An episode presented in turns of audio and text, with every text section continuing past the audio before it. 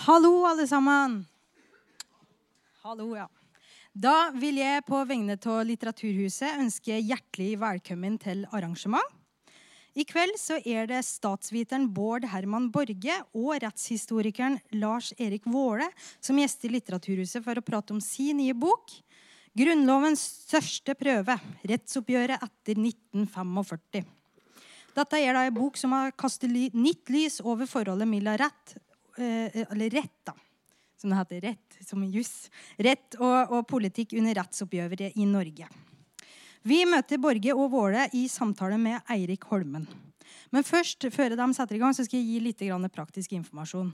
Vi opererer i tre nødutganger her i kveld. Det er der du kom inn, rett bak deg, og så til venstre. Det er mulig å kjøpe, kjøpe forfreskninger i denne drikketralla til arvesølvet eh, nå under arrangementet og under pausa. I tillegg så er det da toaletter eh, i barneavdelingen, så da bare går det litt bakover her, inn til høyre, og så er det helt i enda borti der. Og hvis du ikke finner fram, så er det bare å sperre enten meg eller Steinar som sitter der, eller Herman som skanner billettene deres. Med det så vil jeg ønske dø hjertelig velkommen. Takk, takk. takk, takk. Ja, hallo. Eh, før vi begynner, så vil jeg bare fortelle kort eh, hvem jeg er, og hvordan jeg har møtt disse to kjekke karene her. Eh, Eirik Holmen jeg holder på med et stipendiat i historie. Høgskolen i Volda, NTNU. Jeg skriver om kollaborasjon i maritime næringer. Lars Erik møtte jeg på universitetet for 20 år siden. Han var opptatt av rettsoppgjøret da òg. Jeg var opptatt av unionsoppløsningen og var med på prosjektet om unionsoppløsningen. Eh, og vi spilte innebandy sammen. Oh, yes. Ja. Eh, og Bård møtte jeg i høst. Jeg var heldig å møte han på seminaret War and Semiotic. Eh, og nå skal vi inn i en litt semiotic her også, og litt språk her også, i forbindelse med rettsoppgjøret. Men før vi begynner på spørsmålene til boka, så passer det å starte med Trondheim. For det er et naturlig startpunkt for det som skal sies om rettsoppgjøret. Så da gir jeg ordet til Lars Erik. Takk for det. Um, vår union ble jo oppløst da vi gikk ut fra Blindern, men den er jo nå kommet i stand igjen ved at vi møtes her om rettsoppgjøret i Trondheim. Um, en av de første sakene som jeg kom borti da jeg begynte å forske på rettsoppgjøret, det var rettssaken mot Ragnar Skanke som var professor på Norges tekniske høgskole her i, i, byen fra begynnelsen på 1920-tallet. Han kom tidlig med i NS. Eh, han ble minister i Quislings regjering. Og han var den siste under rettsoppgjøret som ble skutt. Min første bok handlet nettopp om, eh, om dødsstraffen. Og da kom jeg også borti en del konstitusjonelle problemstillinger. altså Spørsmål som hadde med Grunnloven å gjøre i en eller annen forstand. Da. Så ja, her har vi da, Jeg skal si litt mer om han etterpå. Han kom jeg også i kontakt med når jeg skrev den første boken. Uh, begge var riktignok døde da. Carl Hans Herman Klinge, som var krigsforbryter. Se. Jeg tror vi har lagt inn Vi har lagt inn disse bestemmelsene først. Vi kan gå tilbake til de. Men la oss begynne med krigstilstanden. Og da er jo nettopp Hotell Britannia her i Trondheim sentral eh, Norge ble jo angrepet 9.4.1940. Eh, krigføringen varte noen måneder. Så kom det til eh, en avslutning på fiendtlighetene sommeren 1940. 10.6. Og da ble en avtale mellom den tyske og den norske militære overkommandoen signert her. Og den har stått sentralt i mye av diskusjonen om rettsoppgjøret etterpå. Eh, rettsoppgjøret handler jo på mange måter om eh, liv og død, ikke minst i forhold til dødsstraffen. Men den handler også om spørsmål om krig og fred. Og det kommer til uttrykk i den forstand at eh, for å bruke forræderibestemmelsen i den gamle straffeloven så måtte det være en krigstilstand. Det var en forutsetning, så den måtte eksistere. Men hva var tilfellet etter at Norge hadde underskrevet denne kapitulasjonsavtalen? Var Norge fortsatt i krig, eller var det inn, eh, sluttet en eh, fredsslutning, altså med Tyskland, og at man hadde en okkupasjon. Eh, det har vært mye diskutert under oppgjøret og etterpå, eh, ikke minst blant de dømte, eh, som da har argumentert med at krigen var slutt. Og dermed så kunne man ikke dømmes etter forræderibestemmelsen i den gamle straffeloven. Her ser dere da signaturen til Erich Borsenhagen og Ragnvald Rochelund, som var representanter for de to respektive lands overkommandoer som signerte da den avtalen på Britannia hotell. Det er Borsenhagen. Og her har dere Ragnvald Rosje Nilsen. Så dette spørsmålet kommer jo inn i rettssaken mot Skanke også. For hans eh, forsvarer han brakte det frem eh, i saken og hevdet da at krigen var slutt. Og så er jo spørsmålet da hvordan myndighetene skulle håndtere den situasjonen. der. For Hvis det var sånn at krigen var slutt, så kunne man kanskje argumentere med at mange av de som allerede var dømt, var dømt på et uriktig grunnlag. I hvert fall hvis de var domfelt etter den gamle straffeloven. Her ser dere da eh, professor Skanke. Eh, Svakstrømselektronikk tror jeg det var eh, han var professor i. Eh, det ligger langt utenfor mitt kompetanseområde. Så det skal jeg ikke bruke så mye tid på. Eh, han ble skutt her på Kristiansten festning 28.8.1948. Eh, og det ble den siste eksekverte dødsdommen. Mange av hans tidligere kolleger han var altså kirkeundervisningsminister, men mange av hans tidligere kolleger de ville ha ham benådet. Og Da er det store spørsmålet hvorfor eh, regjeringen ikke ville gjøre det. Og da kan man argumentere for at man ønsket å avverge innsigelser om at rettsoppgjøret hvilte på et uh, sviktende juridisk grunnlag. Så Arbeidet med den boken nå, sammen med Bård har jo brakt uh, Skanke tilbake igjen, Klinge tilbake igjen. Um, og nå har vi jo laget en bok som ser systematisk på rettsoppgjørets forhold til Grunnloven. Okay. Ja. Ja. da eh, lurer jeg litt på altså, hva, hva, er det som får en statsviter og en historiker til å skrive eh, en bok om et såpass eh, juridisk tema som det norske rettsoppgjøret? Kan dere si litt om det? Ja, eh, Noe av det første som Bård og jeg registrerte, var at rettsoppgjør i veldig liten grad, hvis i det hele tatt, var et tema under grunnlovsjubileet, som var i 2014. Hvorfor i alle dager diskuterte man ikke grunn, Grunnloven under rettsoppgjøret? Eh, og Boken vår gir jo en ganske klar konklusjon. Eh, vi sier jo at det var da Grunnloven ble stilt på sin største prøve. En prøve vi på mange måter mener at den ikke besto.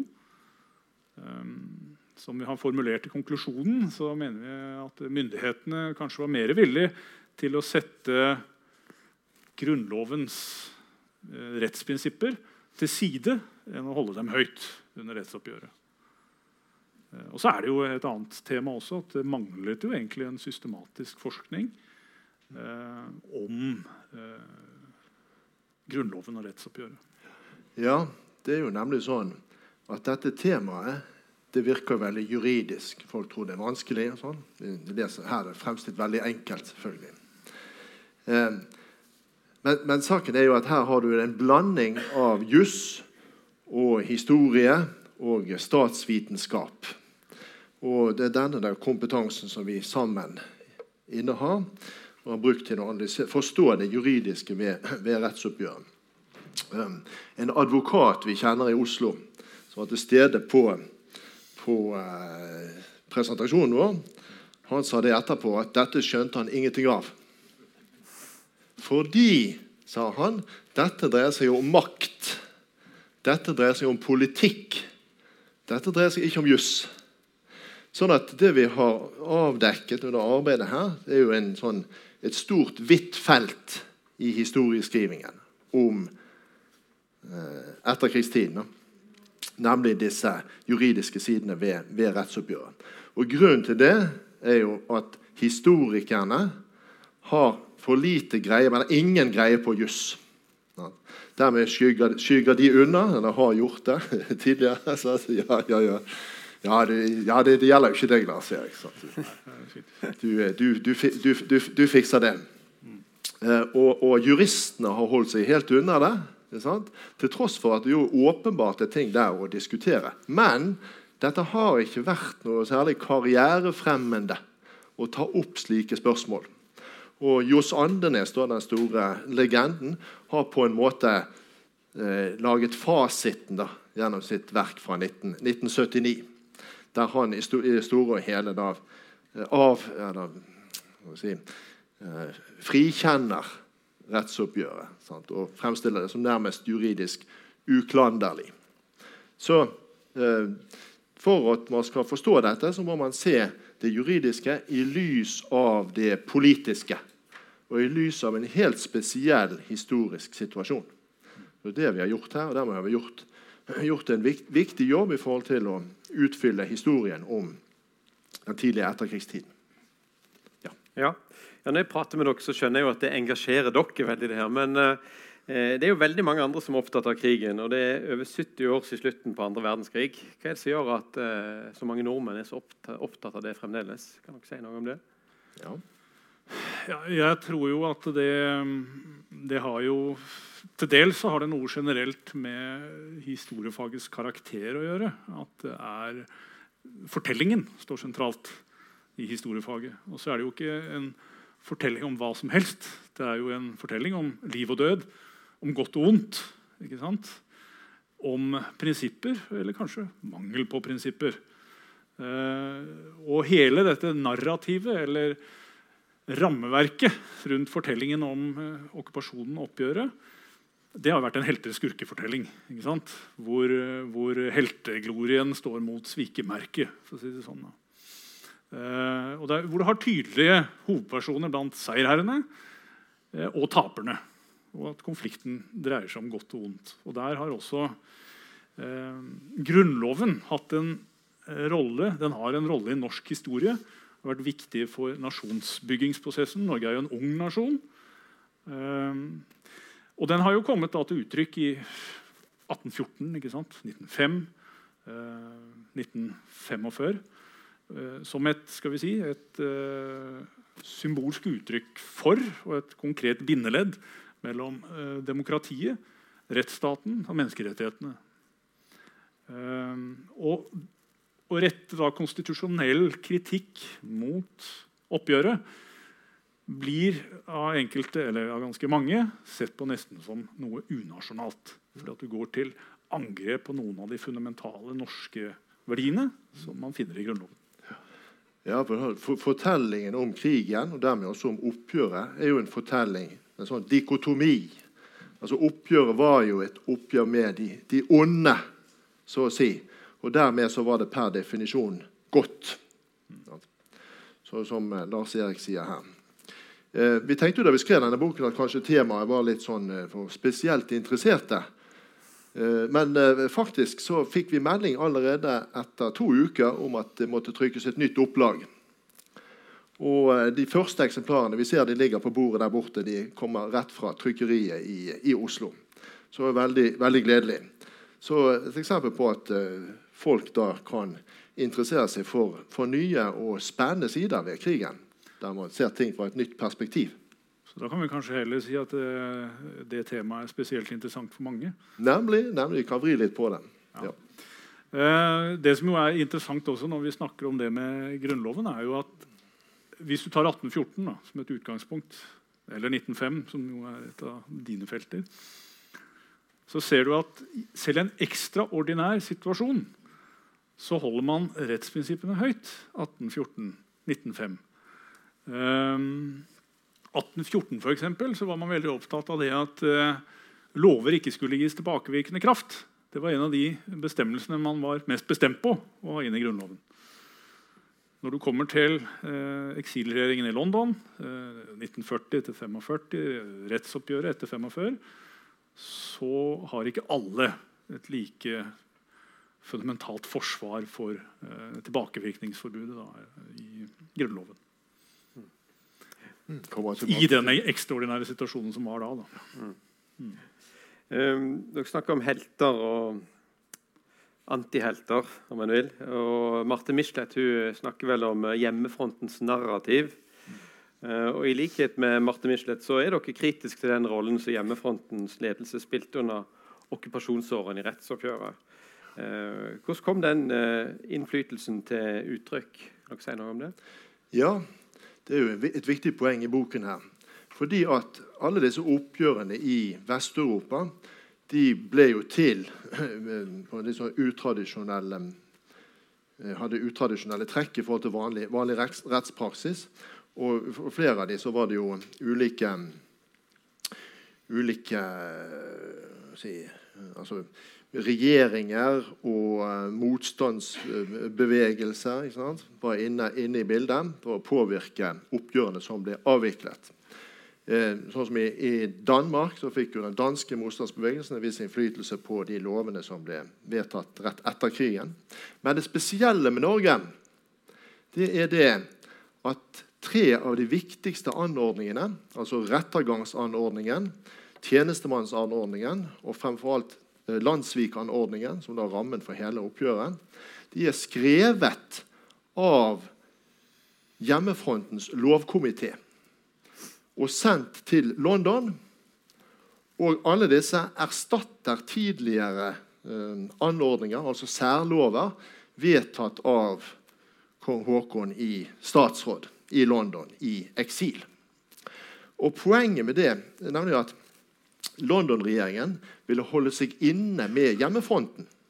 Den hadde en svak eh, status hjemme de første krigsårene og så på hjemmefronten og rapportene den fikk, derfra, som et eh, sånn barometer for stemningen hjemme. Og styrket, styrket sin egen legitimitet ved å følge hjemmefrontens forslag eh, til utforming av disse særlovene som oppgjøret kom til å bli avviklet etter. Jeg skal gi et eh, eksempel på dette. og Det gjelder tjenestemannsanordningen, altså den såkalte utrenskning eller opprydningen i offentlig, offentlig sektor. Eh, nå var det sånn at Regjeringen vedtok en anordning om dette i 1943. Så sendes denne til Oslo. Der sitter da Hjemmefrontens lovkomité og leser. Og de sier da nei, dette er altfor slapt. Her må det sterkere lut til. De skriver da en helt ny anordning, sender denne til London og krever at den vedtas. Istedenfor regjeringens egen anordning. Og Her er da om Justisdepartementets svar. Altså Justisdepartementet i London. I sitt svar til hjemmefrontens ledelse tok Justisdepartementet selvkritikk og sa seg enig i at regjeringens anordning burde revideres i henhold til retningslinjene hjemmefronten hadde gitt. Anordningen fra 1943, som altså regjeringen hadde vedtatt, ble nå betegnet som ufullstendig, for snever og utilfredsstillende.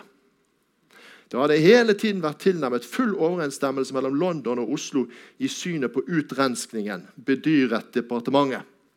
I noen mindre spørsmål hadde eksilregjeringen tidligere riktignok hevdet en avvikende oppfatning, men nå ville Justisdepartementet bøye seg for oppfatningen hjemme, også når det gjaldt de spørsmålene. Og Det er gjennomgangsmelodien hele veien. Sånn at I den grad forslagene fra hjemmefronten bearbeides, så er det bare på et detaljnivå. Og Her er poenget for vår bok da, at Justisdepartementet i London var villig til å, villig til å tøye grunnlovsparagrafer for å oppnå det man ville. Men hjemmefrontens lovkomité ville gå lenger. Og det var deres syn som fikk gjennomslag. Det var deres lovtekster i disse tre tilfellene som ble gjeldende under rettsoppgjøret. Og Dette er enestående i Europa. Det er ikke noe annet tilfelle av at hjemmefra en motstandsbevegelse fikk en så direkte innflytelse over lovutformingen. Så er det jo eh, Hjemmefrontens ledelse har jo en ideologisk hovedfiende. Det er ikke tyskerne, men det er Nasjonal Samling. Og lovutvalget i Hjemmefrontens ledelse får da påvirke nettopp disse anordningene som har med straff og inndragning og bøter for NS-medlemmer. Så det er med å påvirke at uh, grunnlaget for oppgjøret blir som det blir. Da. Så vi kan også si det at uh, forberedelsen av rettsoppgjøret, gjennomføringen av oppgjøret, skjer i si, en spennvidde mellom kampen om nasjonal legitimitet og følelsenes intensitet. Uh, og nasjonal legitimitet det er mange momenter man kan trekke inn der. Det ene er jo bl.a. det at du hadde krigsnederlaget, eller militære nederlaget, i hvert fall i 1940. Regjeringen stakk av til London. Den hadde da forholdsvis liten oppslutning i befolkningen. Stortinget som statsmakt hadde uh, liten oppslutning. Der hadde presidentskapet gått inn for å avsette kongen i 1940. Høyesterett uh, hadde av de tre statsmaktene kanskje den mest sentrale uh, motstandsholdningen. Høsten 1940. Våren 1940 hadde imidlertid eh, Høyesterett gått inn for å opprette Administrasjonsrådet, som på mange måter var et kollaborasjonsorgan. Kollaborasjon er et begrep du kjenner godt. Ja. Um, og så er det klart det at uh, I og med at hjemmefronten også blir kommunikasjonskanalen uh, fra Norge til Sverige, til uh, England, til USA, så påvirker det også synet på de som er på den andre siden. De som er hjemme i Norge. Mm. Og det gis jo løfter som en del av propagandaen. Som Johs Andenes eh, skriver i en bok fra 1945, så snakker han om at eh, propagandaen skulle eh, skremme eh, eh, de frafalne og, og løfte opp på en måte de vaklende, sånn at de visste hvilken riktig side eller hvilken side som var den riktige. Da. Og da er det jo klart det at De bygger opp forventninger også til det norske rettsoppgjøret. Og det skapes også, Pga. okkupasjonen så skapes det også eh, sterke følelser i befolkningen som gjør det veldig vrient for eh, spesielt regjeringen etterpå, men også de andre statsmaktene Eh, for å gjøre noe annet enn det som egentlig er planlagt. i løpet av okkupasjonen. Så Det begrenser myndighetenes og statsmaktenes handlingsrom. I hvert fall Stortingets og Høyesteretts. Når jeg leser dette kapitlet deres, og du nevner dette med følelser. Eh, Ordet hevn dukker opp i eh, tankene mine. Eh, er dere noen kommentarer til det? Altså, Johs Andenes omtaler jo dette med at hjemmefronten sitter og skriver, skriver anordninger og eh, han, han eh, er, jo, er, jo, inne på dette at de som er mest engasjert i motstandskampen, er de der som sitter og skriver lovene oppgjøret skal, skal rette seg, opp, oppgjøret skal avvik, avvikles etter. Og sier at det, det sinnet som de var fylt av, og som jo er fullt forståelig, det lar seg jo lese tydelig ut fra paragrafene. Selv etter bearbeiding sier han, så, så, så forsvant aldri, aldri det, det, det, preget. Så det, det, er klart det lå sterke følelser bak disse, disse anordningene. Han satt i London og var de rasende på Quisling og NS-medlemmene. Og, og, og, satt i Oslo og gjemte seg i en leilighet og skrev disse, skrev disse anordningene og smuglet de, smuglet de til, til, London. Det er klart at jo, Ønsket var jo at eh, gitte personer da, skulle straffes hardest mulig og på flest mulig måter for handlinger de stort sett allerede hadde, hadde, hadde begått. Mm. Så man kan jo si at eh, det er jo, Man kan jo kalle, kalle dette for et eh, helt klart sånn hevnmotiv. Mm. Så ja, Forståelig ut fra, ut fra sammenhengen, men ja. Ja, litt, litt, uvanlig at det reflekteres i en sånn særlovgivning. Ja. ja. Eh, dere hevder òg at samrøret mellom statsmaktene eh, var noe av det mest problematiske med rettsoppgjøret. Eh, kan dere utdype det? Ja. altså Demokratiet bygger jo på en maktfordeling mellom statsmaktene. Og rettsstaten bygger jo på domstolenes uavhengighet av regjering og nasjonalforsamling. Eh, diktaturet som politisk system har jo ingen respekt for en sånn prinsipiell grensedragning. Eh, der samles myndighetsutøvelsen i parti og stat, som blir forent av en fører. Det er ofte sånn det er. da. Og rettssikkerheten til de tiltalte, til de dømte, ble utfordret under rettsoppgjøret ved at lovgivere opptrådte som dommere. Og eh, også det ved at eh, eh, du fant de som aktorer eller byråkrater. Eh, du hadde bl.a. to eh, nyopprettede eh, organer. Et som het Erstatningsdirektoratet, som skulle ta inn pengene fra bl.a. dømte NS-medlemmer. og så hadde du Direktoratet for fiendtlig eiendom, som skulle inndra ja, ja, inndra det, det, som, det, som, var igjen etter den tyske vernemakten. Pluss eiendommene til tyske statsborgere i Norge. Riktig. Også de som var innvandrere til Norge lenge før krigen. Mm. Ja. Så hvis vi trekker frem noen sentrale figurer fra rettsoppgjøret, eh, så kan vi jo se litt på hvordan de eh, ikke bare har ulike kapper på, men tar på seg ulike hatter også etter anledningen. Erik Solheim han satt som medlem av Hjemmefrontens ledelse, HL. Eh, han satt også i lovutvalget, som utarbeidet en eh, del av bestemmelsene for oppgjøret. Og han, ble, han gikk fra å være høyesterettsdommer til å bli lagmann i Eidsivating. Så han satt jo bl.a. der når de første prinsippsakene skulle avgjøres. Yes. Ja, Han ble jo da på en måte håndplukket til den jobben som lagmann i Eidsivating som ekspert på landssviksaker. Mm. Ja da. Og Landsvik-anordningen og Landsvikloven Landsvik-loven, da var det jo han som utga på en måte den autoritative kommentaren til den da, i 1945 og 47. Ja, han ble jo også kalt for sjelen i arbeidet med de, eh, med de provisoriske anordningene. Ja. ja. Et annet eksempel, som jo var en eh, ledende figur i 1940 som høyesterettsjustitiarius, men også eh, den eh, formelle lederen av Hjemmefrontens ledelse, Paul Berg, han ble justitiarius i, i Høyesterett i eh, 1945. Det, var, det, de var opptatt av, var å skape en, en kontinuitet til den høyesterett som hadde vært før eh, 9. april. Eh, ikke den som Hans Petter Graver har beskrevet i sin nyeste bok nå. Okkupasjonstidens høyesterett. Den anbefaler vi også. Ja, det gjør vi. Så han satt jo i, Høyesterett bl.a.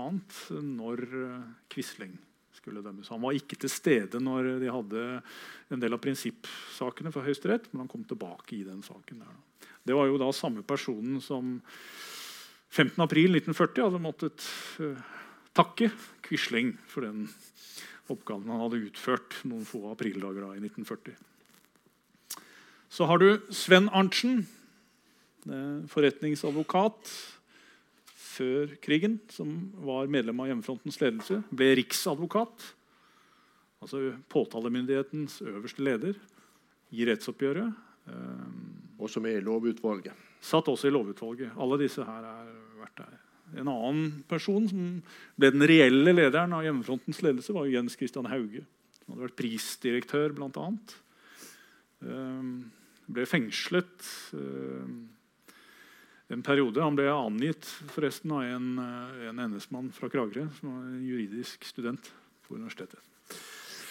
Uh, han ble direktør for Erstatningsdirektoratet etter uh, 1945.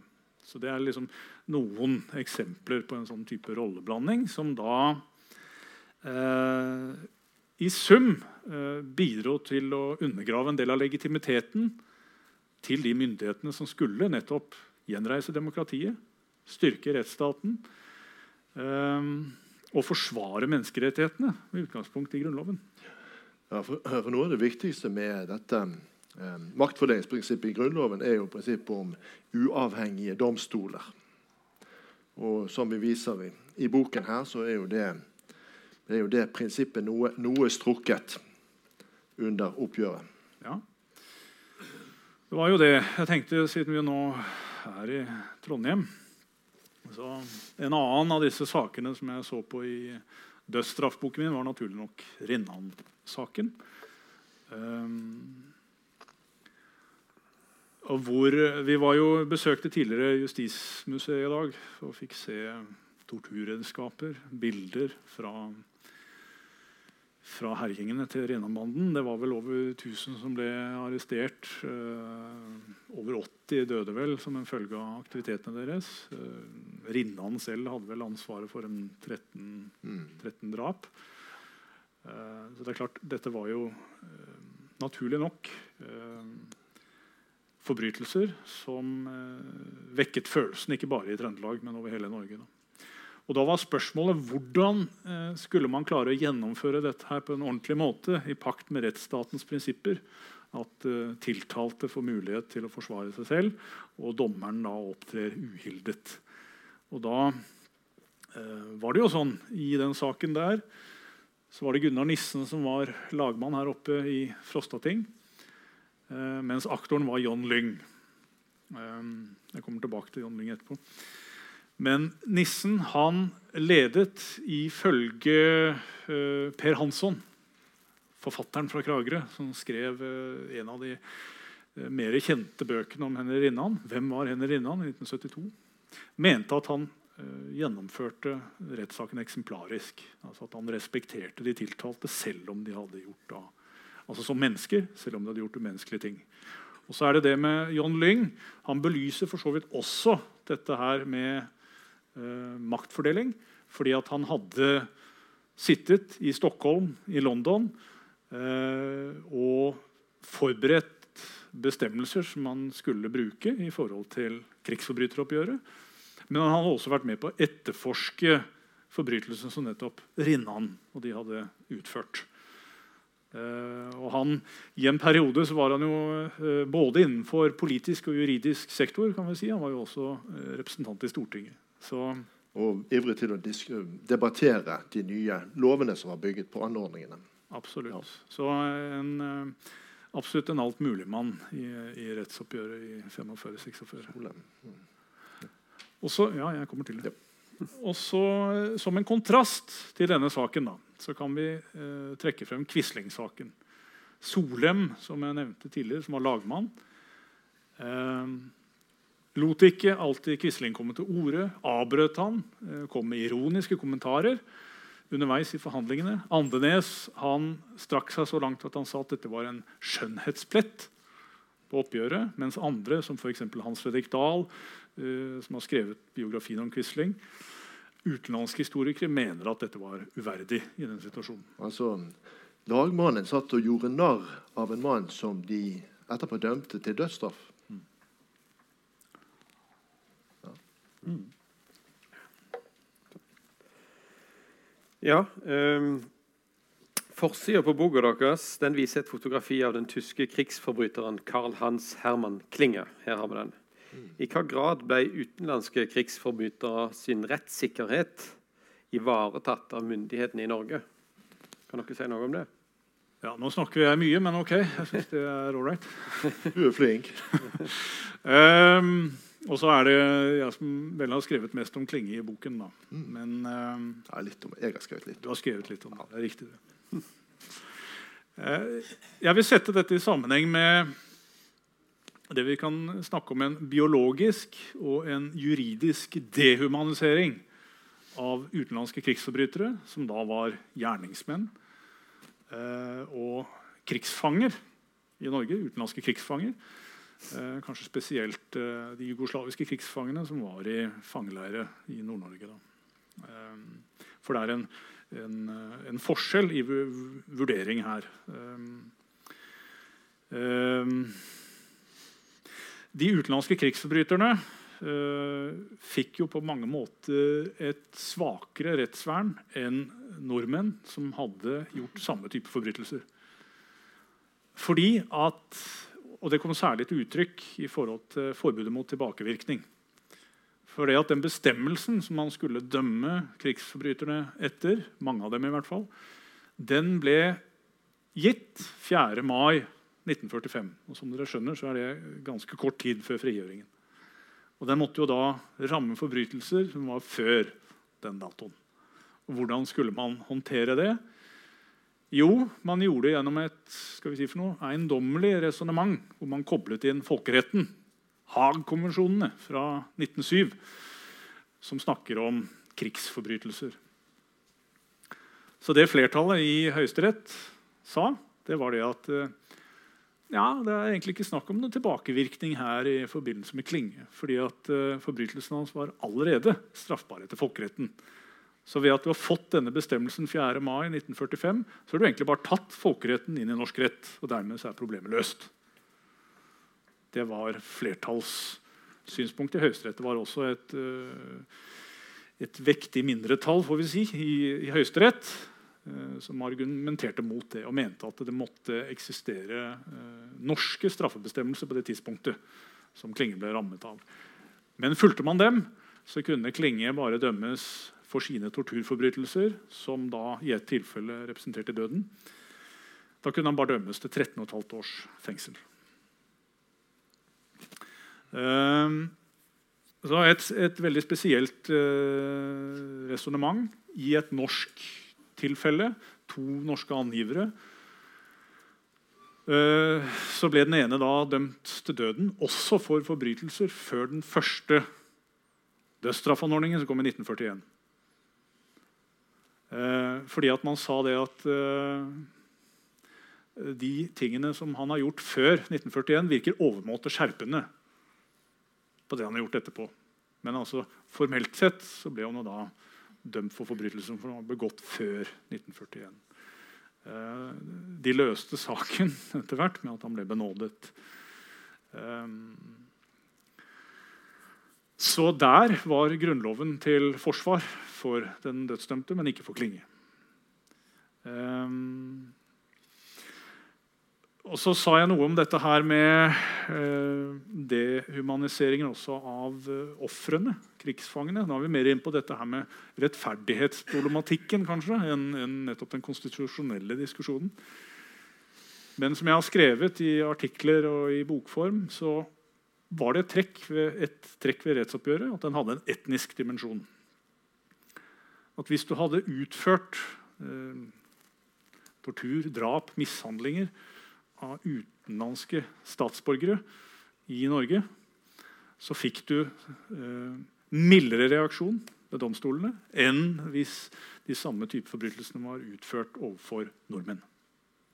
Motstandsfolk, blant annet. Og det, eh, det er jo en sånn, Du trakk inn dette med Marte Michelet. ikke sant? Det har jo også vært en diskusjon om jødene da ble regnet som like, likeverdige ofre for, for, storkrigen eller ikke. Og hun argumenterer jo da for at hjemmefronten og hjemmefrontledelsen hadde et mer nedvurderende syn da, på, på, på, jødene i forhold til uh, norske motstandsfolk som hadde hovedprioritet for dem. Um, ja. Så var det, for når jeg skrev den første boken min om uh, dødsstraff, så skrev jeg om den karen her, Gerhard Flesch, som var Gestapo-sjef her i Trondheim. Han var først i Bergen, og så kom han hit. Eh, det sies om han i eh, rapporter og avhør etter krigen at han eh, personlig hadde glede av å være til stede ved torturforhør. Og at han deltok i det. Han hadde også ansvar for henrettelser under okkupasjonen og andre overgrep mot krigsfanger, bl.a. på Falstad. og, og sånn da. Så var jo spørsmålet da eh, Det var egentlig ikke noen store konstitusjonelle utfordringer. For de tingene han hadde gjort, de kunne rammes av tidligere eh, bestemmelser. Så tilbakevirkning det var ikke noe sånn stort tema. Han argumenterte med at folkeretten beskyttet han, at han hadde hatt eh, rett til å ta livet av en del motstandsfolk fordi at de hadde gjort motstand mot okkupasjonsmakten. Altså Det var represalier som de hadde lov til å gjøre. Så ble jo da eh, Flesh skutt på Kristiansteden festning eh, våren 1948, vinteren våren 1948. Og så var spørsmålet eh, hva skulle skje da med liket etter Gerhard Flesch. Og dette føyer seg jo også inn i den dehumaniseringen av utenlandske statsborgere. For man hadde eh, en bestemmelse, en kongelig resolusjon, som ga anatomisk institutt i Oslo rett til å benytte likene i eh, patologi- og anatomiundervisningen ved eh, Universitetet i Oslo. Eh, før liket ble sendt til kremasjon. Og dette var jo da uten at eh, pårørende, eller selvfølgelig de dømte, var blitt spurt om dette her. Så likene ble brukt i medisinsk forskning da, og undervisning etter eh, krigen. Um, så det, det, har jo sammenheng med den biologiske dehumaniseringen da, av, um, av uh, utenlandske krigsforbrytere. Så jeg er ikke helt ferdig ennå, Bård. Um, og så var det jo da Men uh, Flesch holdt til i Trondheim. Og det var Anatomisk institutt i Oslo som skulle ha han, eller like av han. Så hva gjorde man da? Jo, han ble sendt i uh, en kiste og et tog fra Trondheim til uh, Oslo. Jeg fant, uh, I saken hans fant jeg kvitteringen fra professor doktor med Jan Jansen ved Universitetet i Oslo, hvor han bekrefter å ha mottatt liket av Flesch. Da, som da gikk inn i den medisinske undervisningen ved universitetet. Og Så ble det sendt til kremasjon, og så fikk de pårørende da, asken og mulighet til å Uh, gravlegge sin henrettede slektning. Um, ja. Jeg vet ikke om jeg skal si så mye mer om uh, ja, men Nå må jeg si noe om det. Nå vil du gjerne si noe. ja, ja, ja. ja. Uh, ja uh, det, var, det, var, dette at um, etter, etter, etter, krigen så lå det jo igjen masse miner. Mm. Og et behov for minerydding i store områder i Norge. Hvordan skulle man få til dette? Jo, man hadde jo tyske krigsfanger. Disse ble da satt i sving under norske offiserers kommando uten noe som helst utstyr.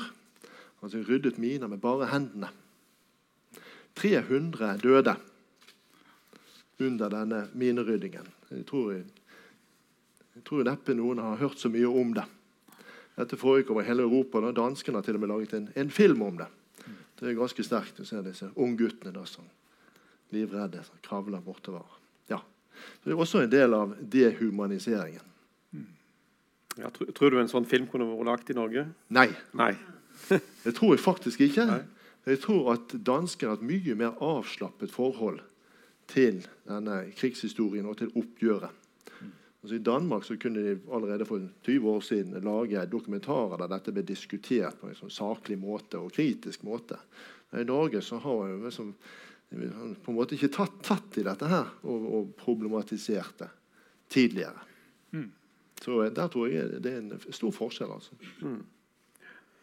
Da har vi kommet sånn cirka halvveis i spørsmålsrunden, så da tenkte vi å ta en ti minutter pause. Men før dere tar uh, pause, så det blir tid til spørsmål fra salen uh, etter vi er ferdig med den neste spørsmålsrunden. Ja, er folk i ferd med å finne plassene sine igjen? Det siste vi var innom, var denne dehumaniseringa. Og jeg kom på en ting når vi satt og prata i forkant, at uh, siste gang det var dødsdom uh, og dødsstraff før krigen, var jo med etter Kautokeino-opprøret. og da ble jo vel også disse hodeskallene sendt til Anatomisk institutt eller til forskning. Så den hadde ikke kommet så mye lenger sånn i forhold til Nei, altså, det var, kan også si at det var også individer som kanskje ble tillagt litt mindre verdi. Ja. Og Derfor kunne man bruke de til å stille ut, selvfølgelig i det tilfellet, eller til, eller til sånn um, forsk, ja, til bruk i anatomi, undervisning i anatomi. Ja. Samtidig så er det jo Jeg får litt flashback til 'Dommen til døden'-boken. Men uh, det er, var jo også slik Den siste dødsdommen ble jo eksekvert i 1876 i, i, Norge. Og da var det i full offentlighet. Med øks og det hele. ikke sant? Og da ble det en jeg håper å si folkeforlystelse. Mm. Når myndighetene brukte dødsstraff etter 1945, så skjedde det om natten i det skjulte. På festninger rundt omkring i Norge. Det var viktig for dem å holde dette mest mulig hemmelig hvem som hadde deltatt i det, hvor det skjedde eh, osv. Mm. Så det er jo et uttrykk for at eh, som jeg har skrevet et sted, at dødsstraffen ble en nødvendig anakronisme. Mm. At den, eh, man var ferdig med den, men man trengte den i, en periode etter frigjøringen. Mm. Nå har vi snakket uh, ganske mye om det norske rettsoppgjøret. Men var det, var det konstitusjonelle spørsmål uh, var, det, var, var, sånne spørsmål like framtredende i andre europeiske rettsoppgjør? Altså spørsmål knytta til, til, konstitusjonen uh, i, i, perioden da etter 1945? altså, det var jo sånn I alle disse landene som hadde vært okkupert av Tyskland, så skulle man, skulle man gjennomføre et, et, et rettsoppgjør. Og mange steder så støtter man på denne, denne vanskeligheten. At for å få det til så måtte man vedta nye lover som skulle gis tilbakevirkende kraft. Eh, og En kjent historiker har jo kalt dette her for 'legal tricks'. Altså Alle landene tød til sånne eh, knep da, for å kunne eh, gjennomføre opp, oppgjørene sine med det omfanget de ville ha, og med de strenge straffene de ville, de ville bruke. Eh, men så er det jo forskjeller også. da, fordi at eh, En ting er jo at disse konstitusjonene, altså grunnlovene, de forskjellige grunnlovene, da, har ulike bestemmelser. Sånn som den, Verken den danske eller den nederlandske grunnloven har jo noe forbud mot tilbakevirkning. Likevel så var det jo diskutert i disse to landene om, om man, man, kunne eller burde, burde gjøre, gjøre, dette. Altså vedta tilbake, tilbakevirkende lover. Så det var ikke ukontroversielt noen, noen av, av, stedene. Men eh, siden vi har forskjellige grunnlover og forskjellig, forskjellig situasjon i de ulike landene, og forskjellig rettsgrunnlag, så er det jo eh, sånn en vanskelig ting å skulle sammenligne, eh, sammenligne dette på tvers av land. Men vårt inntrykk i stort det er jo det at denne eh, diskusjonen om konstitusjonelle spørsmål ble mye mer omfattende i Norge enn i de andre landene. Og Det er jo to grunner til det. Det ene er jo at i Norge har du en veldig omfattende sånn særlovgivning. Eh, bare Landsvikanordningen er jo en ganske tjukk bok. I tillegg kommer alle disse andre anordningene som vi går, går gjennom i, i, boken. her. Sånn at du har en stor, en omfattende og detaljert lovgivning som oppgjøret ble gjennomført etter. Og eh, så var det jo slik da, at mange av disse nye bestemmelsene er jo eh, i eh, er jo litt på kant med spesifikke grunn, norske grunnlovsbestemmelser. Så det er dette møtet da mellom den spesifikke norske grunnloven og de uh, paragrafene den har, prinsippene den har, og dette omfattende lovverket. Så Det er jo grunnen til at denne diskusjonen så vidt vi kan skjønne, er så mye mer omfattende i Norge. For det er jo en svær litteratur om dette. Og det er diskutert uh, blant jurister også. altså det er, uh, Vi fant jo at også i samtiden, helt fra London-regjeringens tid, eh, fra 1941 av, som begynner å forberede disse, disse anordningene, så er det jo kritiske stemmer. Det er jo hele veien jurister som mener at man her er på kant med Grunnloven og tøyer den sant? kanskje for, for, mye. Det er noe vi her, her får frem på, på, nytt igjen, og som har vært eh, ute av offentlighetens bevissthet eller, også, eller aldri ja. kommet inn i den. Eller, nettopp. Og, og det, også, i, også, i, offentligheten, altså i avisene da, i, i, i 1945, 46, 47, så er det mange fremtredende jurister som går ut og kritiserer oppgjørets retts, rettsgrunnlag. Og det er jo også omdiskutert i Høyesterett i flere dommer. Flere av disse prinsippdommene er jo avgitt med dissens. Eh, så eh, vårt inntrykk er jo at denne typen diskusjon er kanskje mest, eh, mest aktuell i Norge. fordi at de andre landenes oppgjør er, er, forskjellige, og fordi vi har denne omfattende særlovgivningen, og som da kolliderer spesifikt med en del norske grunnlovsbestemmelser. Ja. Spissformulert så kunne man kanskje si det at uh, Grunnloven kom i veien for et bredt rettsoppgjør. Altså opp, kriminalisering av NS-medlemskapet per se i seg selv. Og et dypt rettsoppgjør, altså bruken av dødsstraff. Men det er jo særlig uh, den første dimensjonen, altså det med kriminalisering av NS-medlemskapet som skaper mange konstitusjonelle utfordringer i rettsoppgjøret som ikke du ser i Danmark og Nederland. Ja, ikke sant? Altså, I, Norge for eksempel, så har vi jo denne særnorske bestemmelsen som kommer inn i landssvikanordningen av 1944, der som da hjemmefronten selvfølgelig ikke har, ikke har um, skrevet eller vedtatt, men skrevet utkast til. For, det er viktig presisere. Viktig presisering. Altså, hjemmefrontens lovutvalg skriver utkast, og så blir de da vedtatt i London med mer marginale en, en, endringer, men dog. Det er snakk om ut, utkast, men de hadde stor gjennomslags, gjennomslagskraft. Eh, men um, hva var det jeg skulle si nå, Lars Erik? hva var det du sa sist? Jeg husker ikke. Vi må spørre debattleder her. Hva var det han sa? Nei, hva var det han sa? jo da, Jeg sa det at uh, Grunnloven på mange måter kom ja, i veien for et bredt og dypt oppgjør. Nettopp, nettopp, sant. Og da er poenget det at i disse diskusjonene som føres i London blant eksiljuristene der, da, Justisdepartementet, og i Oslo altså selv, i selv, blant hjemmefrontens jurister er det uenighet om dette. I, i flere tilfeller. Uh, så er det, det er hele tiden snakk om at okay, under normale omstendigheter, i fredstid, så ville nok dette være litt på kanten. Men i den ekstreme situasjonen som vi har, så må vi kunne tolke Grunnloven litt eh, friere. Vi må, vi må kunne tøye den litt. Det er hele tiden snakk om en, om en, om en, en litt mer liberal tolkning. Det er snakk om å, å, å, en tøy, litt tøyelig tolkning. Samtidig som man da angivelig ivaretar Grunnlovens ånd. Og Sånn er diskusjonene på Stortinget også. Så hele veien så er det snakk om å Kan man tøye på Grunnloven for å få til det man vil? Det er det. Man har bestemt disse skal vi straffe. Så skal vi straffe de hardest mulig, og da til dels nye kreative straffeformer. Vi skal, skal vi skal, kombinere, fengsel og bot. Og boten skal være ubegrenset. Den kan gå opp i millionbeløp. I tillegg skal vi kreve inn fra alle NS-medlemmer et beløp tilsvarende det som okkupasjonen har kostet Norge. Den såkalte kollektiverstatningen. Og Dette ble drevet inn av Erstatningsdirektoratet og av domstolene. Eh, ja, domstolene først, og så Erstatningsdirektoratet som skulle drive det inn. Og Det er snakk om milliardbeløp etter dagens pengeverdi. Er dratt inn fra NS-medlemmene. Dette prinsippet finnes ikke i noe annet oppgjør.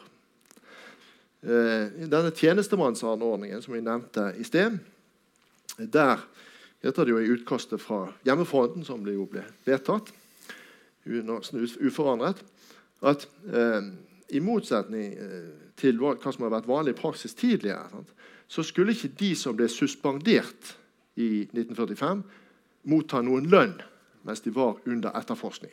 Og Dette her, eh, det strider jo mot Grunnlovens paragraf 22 og, og mot, um, og mot, uh, mot uh, rettspraksis i Norge.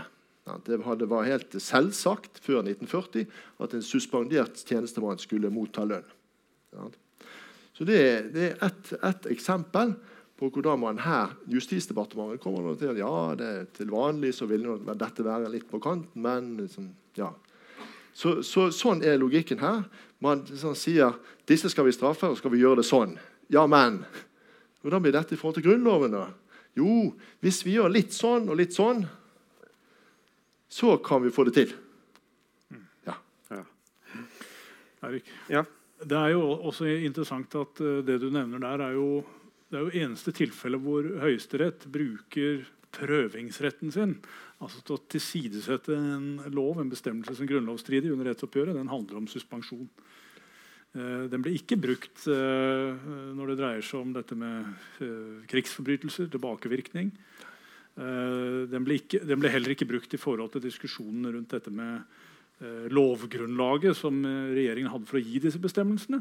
Altså, hvor skulle man fundere den hen? Skulle man fundere den i Grunnloven selv? I Grunnlovens paragraf 17 så står det at uh, man har lov til å gi provisoriske anordninger hvis det gjelder toll, handel, politi og næringsveier. Og så er spørsmålet da dekker politi straff i denne sammenhengen her. Et annet uh, Eh, en annen begrunnelse for disse lovene var den såkalte Elverumsfullmakten. eh, som ble foreslått av Hambro, men ikke stemt over. En eh, kilde som jeg fant eh, i arkivene, der kaller jo Hambro selv eh, Elverumsfullmakten for det fromme bedrag. Altså han sier at Den er ikke blitt votert over, men den har blitt tatt til inntekt for disse bestemmelsene langt utover den mm, muligheten som Grunnloven gir. da.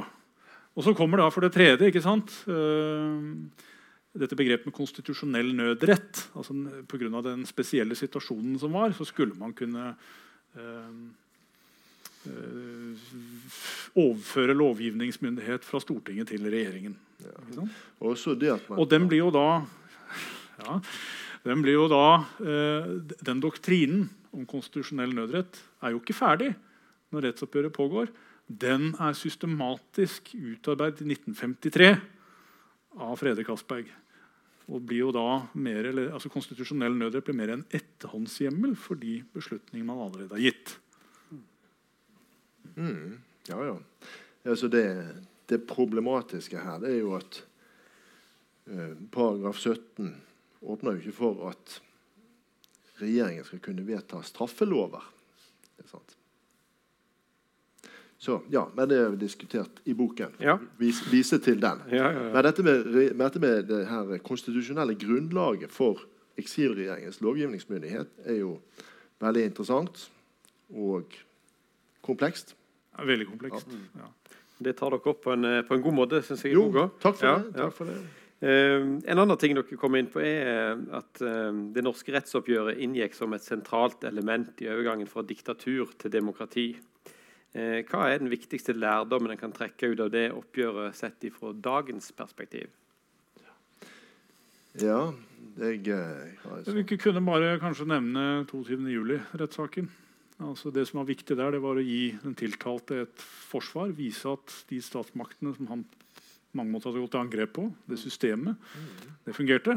Det var jo det som også var Lippestads rolle i den prosessen. Gi fyren et forsvar.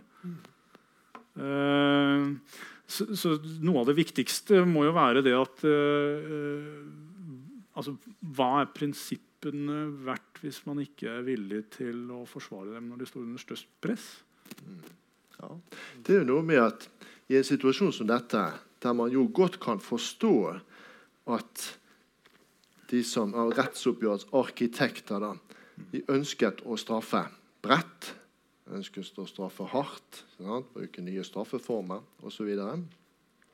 Um, og liksom, de som har skrevet om dette tidligere, har jo ofte liksom, hatt en viss forståelse for dette, dette arg argumentet. Da, sant?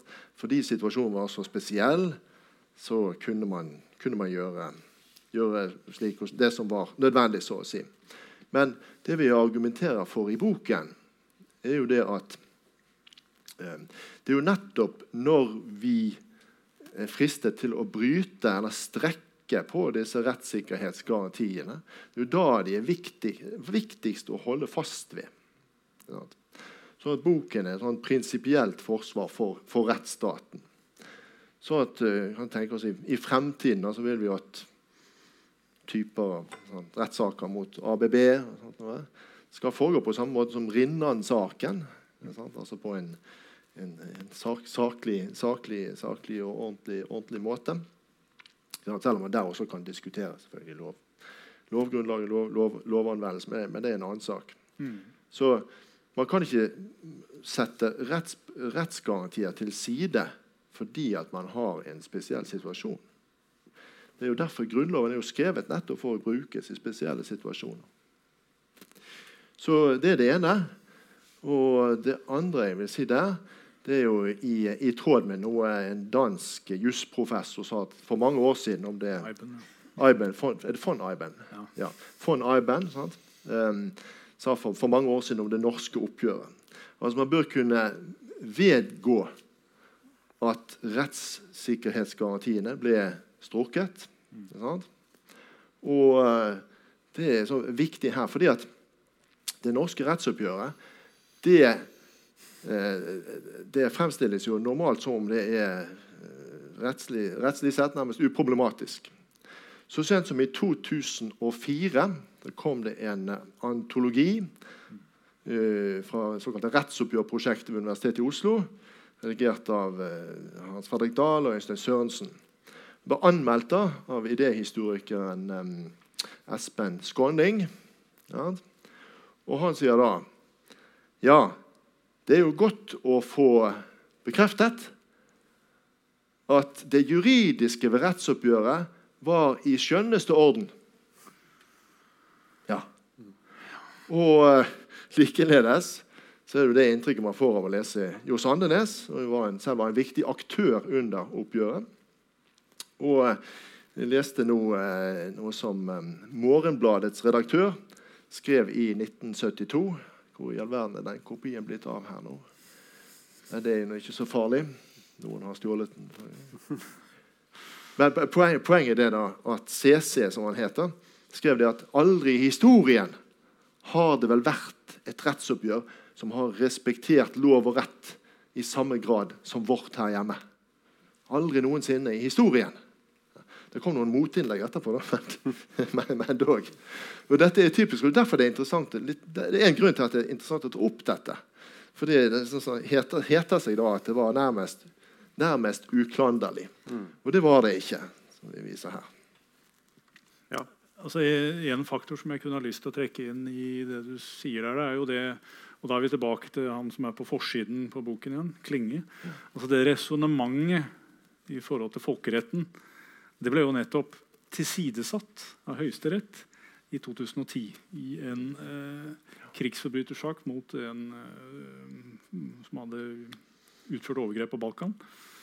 Da ble den tilsidesatt. altså Hele resonnementet om at liksom, folkeretten eh, opphevet på en måte norske Eller gjorde det greit å bruke lov med tilbakevirkende kraft. da. For de var ikke det i kraft av Selv om du ikke har norsk lovhjemmel? Ja. ja, ja. Mm. ja. Så den ble jo effektivt tilsidesatt av det resonnementet i 2010. Mm. Men Det er jo eneste eksempelet på at uh, Høyesterett har tilsidesatt noen av disse prinsippavgjørelsene under, under rettsoppgjøret. Eneste. Og denne, uh, denne, dommen fra 1952 som Lars Erik nevnte i sted, som da gjelder uh, tilbakebetaling av lønn til noen politiembetsmenn uh, ja, som hadde vært suspendert, det, det, førte til at disse som hadde saksøkt staten Hvor mange var det? Fem-ti stykker? Mm. Ja, og sånt. De fikk, de fikk tilbakebetalt, men dommen fikk ingen presedens utover det. Så ingen andre av disse suspenderte som fikk, som fikk tilbakebetaling. Så dommen er sånn, sånn sett ubetydelig. Da. Men det eneste eksempelet på at har, eller norsk domstol har tilsidesatt en anordning som grunnlovsstridig. Altså det, det, det, som kom frem der, var jo det i de senere politisakene, var jo at uh, myndighetene brukte argumentet om foreldelse. Ja. At de var foreldet. At kravene var foreldet. Ja. Mm. En ting jeg lurer på, når boka var i trykken, om dere var i kontakt med Erna Solberg da? Ehm, I høst ja, vi... så ga jo nemlig Erna Solberg Jeg studerte jo med henne. vet Du Du studerte med henne, så du kjenner jo. Ja, Hun ga jo tyskerjentene en uforbeholden unnskyldning for myndighetene sin behandling i høst. Eh, og sa at den ikke var forenlig med rettsstatens idealer. Eh, kan dere utdype bakgrunnen for den unnskyldningen? Ja, det er jo to ting. Her ser vi jo et, et bilde som skal være tatt i, skal være tatt i Norge. Det er ingen som vet hvor det er, hvor det er hen. da. Men det viser jo en eh, folkemengde som utsetter tyske jenter for hardhendt behandling ved, ved frigjøringen. Eh, men det denne unnskyldningen gjelder, det er jo eh, interneringen av tyskerjenter ved frigjøringen. Og eh, den skjedde jo dels ved politi og lensmenn, og dels ved at hjemmestyrkene, hjemmestyrken, altså hjemmefrontens, hjemmefrontens uh, mannskaper, da, uh, innbrakte disse ja, mange, mange, kvinner, unge, unge jenter. Og, og, og de ble holdt, holdt, internert i kortere eller lengre tid. Uker eller måneder. Antallet her er litt, litt usikkert, men det dreier seg om tusenvis av, av kvinner. Og nå er det jo sånn at Paragraf 96 i Grunnloven sier at man kan ikke straffes straffes uten at det, uten, eller dømmes uten at det foreligger en lov, eller straffes uten at det foreligger en dom. Paragraf, paragraf 96. Og tyskerjentene uh, hadde ikke gjort noe, noe, som helst som var ulovlig. Det var altså ingen hjemmel for å verken arrestere eller internere dem uh, fordi de hadde vært kjæreste med en, en tysker. Uh, men det fantes da to eh, anordninger som ble brukt eh, som begrunnelse da, i, i, mange av disse sakene. Og Det ene er jo en sånn såkalt beskyttelsesanordningen. Nemlig at man kan da anholde en person hvis det er fare for uh, vedkommendes sikkerhet og fare, for at det skal bli offentlig uorden. Det, jo, det står spesifikt i, i, denne bestemmelsen at dette er ikke av hensyn til de internerte. Det er Ikke av hensyn til de, men av hensyn til den offentlige orden. Så Den såkalte beskyttelsesanordningen ble da brukt som påskudd i, ja, i en del saker. Kåre Olsen, som er historikeren som har sett mest på dette, har gjennomgått flere hundre saker.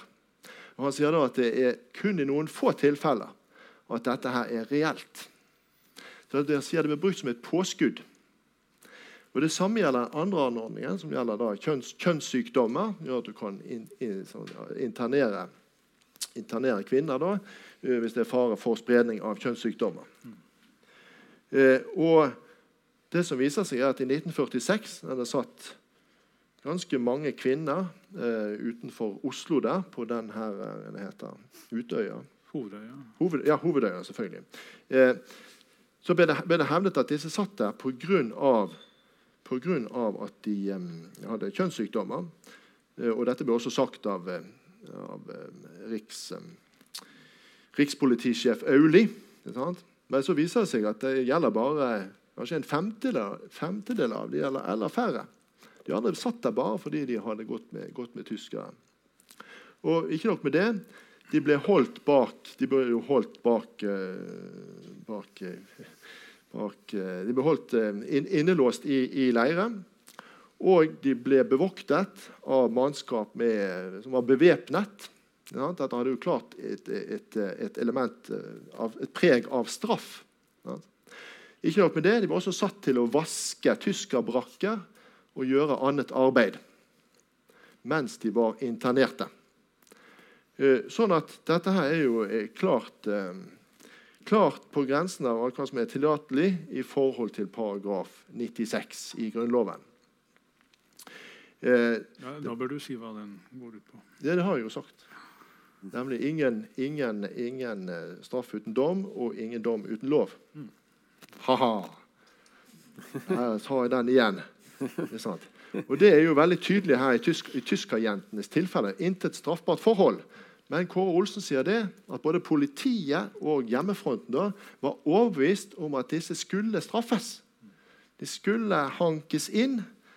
Man skulle, man skulle holde, de, de innesperret. De skulle straffes. Til tross for at det ikke var noen hjemmel. Det var klar over. I politiets protokoller så sto det jo ting som 'frekk tysker tøs'. 'Har godt av å sitte en tid'. Eller det som eh, har godt av å eh, vaske tyskerbraker en tid.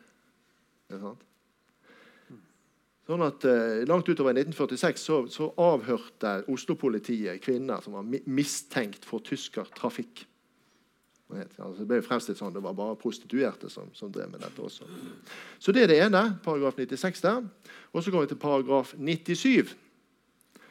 Og Det gjelder da en, en lov eller en forordning, da, eh, provisorisk anordning faktisk, vedtatt etter frigjøringen, som da sa at, bestemte at kvinner som hadde giftet seg med en tysker, automatisk skulle miste statsborgerskapet sitt og også sendes ut av landet.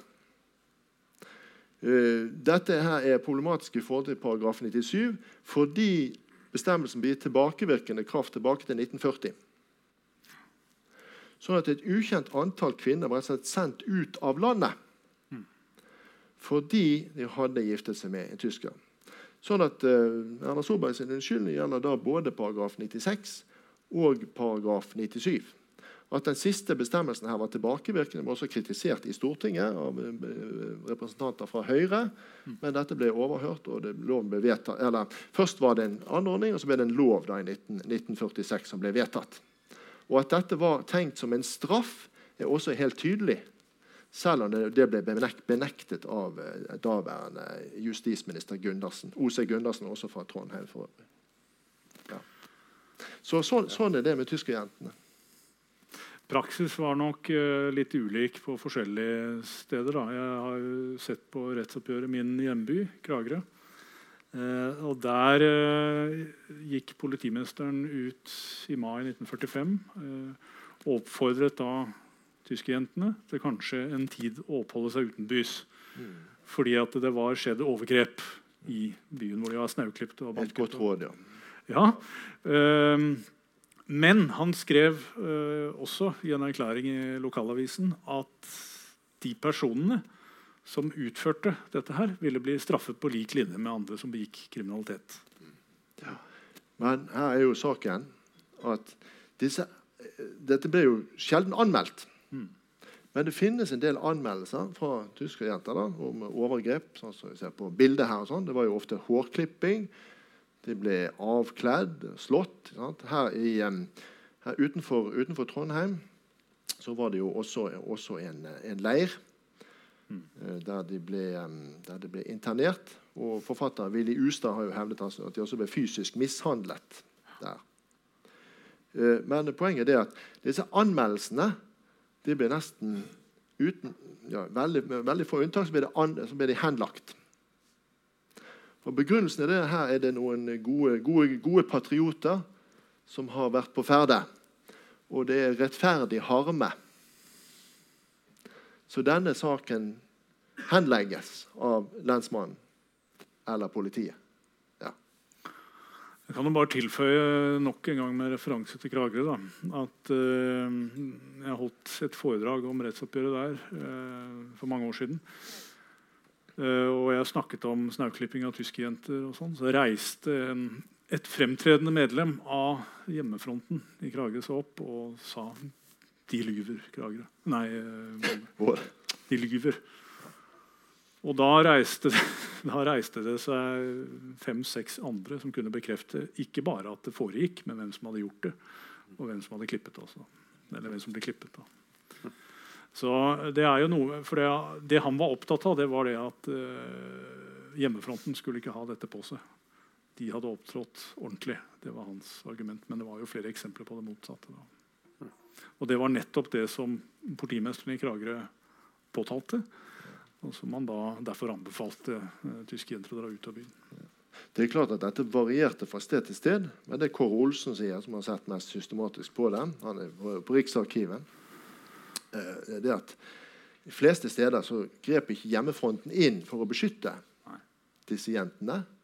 De sto og så på, eller de deltok selv. Ja. Ja, det er absolutt ingen historie å være stolt av. det her. Nei. Nei. Nei. Um, før jeg stiller neste spørsmål, så vil jeg sitere dere fra oppsummeringen i kapittel 11. Der sier dere etterkrigsregimet utviklet klare aut- autoritære tendenser. Uh, og da er spørsmålet mitt til dere Dere skriver om de mange injuriesakene i dette kapittelet. Så påtalemyndigheten anla mot kritikere av oppgjøret.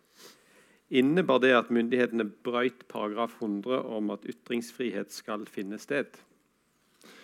Eh, Det er sånn at eh, Paragrafen den gangen var jo annerledes utformet enn i dag etter siste, siste reform. Sånn at den var mer eh, allmenn og eh, kanskje Den var ikke, ikke noen garanti for ytringsfriheten tidligere. Og Det hang også sammen med domstolenes praksis. Hvis du ser på Høyesterett, så har de ikke, de har ikke vært så tidligere ikke så opptatt av å hegne om ytringsfrihet sånn som vi, sånn som vi, vi forstår det i dag. Eh, sånn at, eh, for det er, det er flere forhold som begrenser ytringsfriheten. Og det er jo sånn det, altså, samfunns um, hensyn til, til, til den større sammenhengen, altså til, til samfunnet, altså statens sikkerhet og sånt noe. Og så er det jo hensyn til individet. Sant, være, være noe med privatlivets fred osv. Så så disse to hensynene kan, da, kan da myndighetene bruke til å begrense ytringsfrihet og, og noen ganger sanksjonere. Men det er jo veldig sjelden at noen dømmes til strenge straffer for injurier. Nei, det skjedde under rettsoppgjøret. Og Vanligvis så er det sånn at uh, injuriesaker det er også sånne sivile uh, søksmål. Uh, men dette er straffesaker. Og jeg fant jo en 20-25 sånne, sånne, saker utover landet. Og det dreier seg da om folk som har kritisert rettsoppgjøret og navngitte embets- og tjenestemenn som var involvert i det. Eh, sånn at det er eh, flere paragrafer som, som brukes her. da. En er jo at det er straffbare injurier overfor uh, offentlig tjenestemann. Og så er det noe som heter, altså, ja, heter det, angrep på offentlige myndigheter. og sånt. Uh, og uh, det in interessante her det er jo det at alle disse sakene så er det reist påtale ikke pga. at den omtalte eller injurierte da, har krevd det, men fordi Riksadvokaten reiser påtale på eget initiativ. Eh, og disse sakene er også spesielle eh, ut fra eh, um, måten de, de ender på. Fordi at det ble her idømt fengselsstraffer i flere tilfeller. Og Da er det ikke snakk om korte fengselsstraffer, men det er snakk om en, en, kar her som heter da Nei, kjør da. Da vil se, vi tar den. Den tar vi. Uh, heter Toralf Fanebust, som var redaktør for et tidsskrift med paragraf 100. Ja. Uh, han ble dømt til fengsel i ni måneder for injurier. Det er en ganske enestående dom, dette.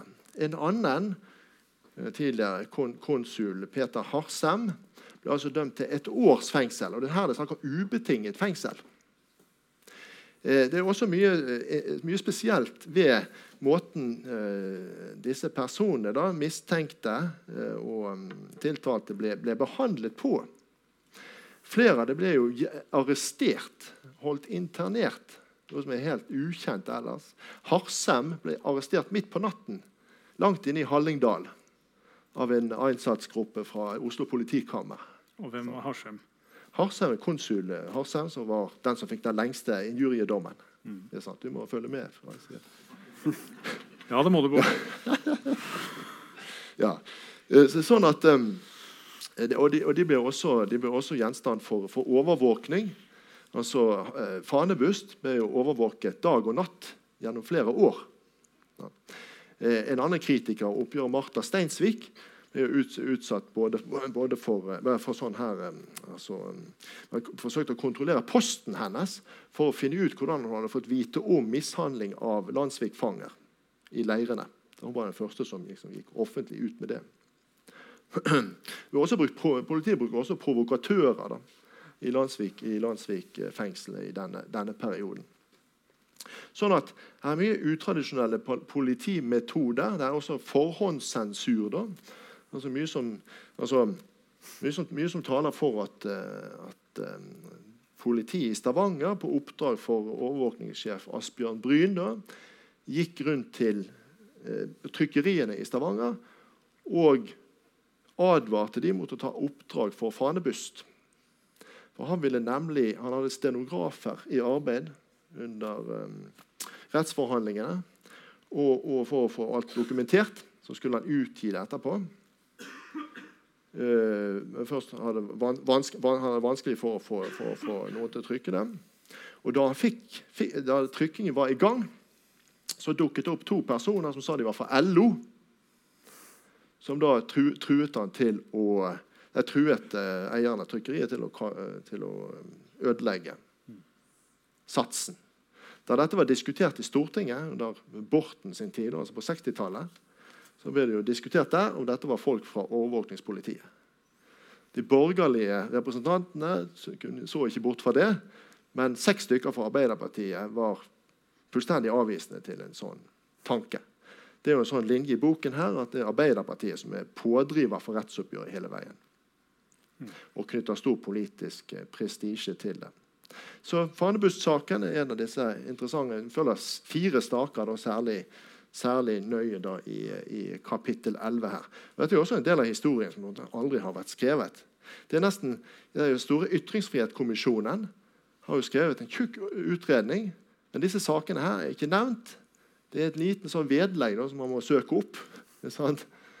Og, og, og, eh, der det så vidt er omtalt, selv om disse sakene er helt enestående. Og, og, det er heller også i juridisk litteratur om injurier så er de, de er ikke nevnt. Veldig interessant i seg sjøl. Ja. Så, så, sånn er det. Og det, det, på det området her så kan du se at her har eh, staten liksom ført en Myndighetene har vært veldig på, på hugget her da, mm. overfor de som kritiserte rettsoppgjørets rettsgrunnlag. Ja. ja. Det er jo Altså, Stortingsrepresentanter var jo beskyttet via paragraf 66 i Grunnloven. De kunne komme med kritiske ytringer til oppgjøret til de som gjennomførte det, uten at de ble straffet. Eh, og Nasjonalforsamlingen da liksom som uttrykk for folkeviljen, der fikk den komme til orde. Men i, i presse og i tidsskrifter så var det vanskeligere. Altså, det er et mer sammensatt bilde òg. Jeg har gått gjennom eh, jeg ble spurt om hvor mange Journalister spør ofte hvor mange sider har dere gått gjennom for å skrive denne boken. her. Eh, jeg telte til 40 000, eh, men det er sannsynligvis over 50. Og det er mye som er knyttet opp til avisoppslag også, da, i tillegg til arkivmateriale. Men der ser du jo eh, nettopp at noen steder så kommer, er kritikken hele veien. Og Du ser også til og med i hovedsteden at det er kritiske bemerkninger. Så vi må nok liksom nyansere litt også i forhold til det Ytringsfrihetskommisjonen gjorde. da, Bård. Eh, det som var, var jo at eh, Etter noen år så ble klimaet litt, litt lettere.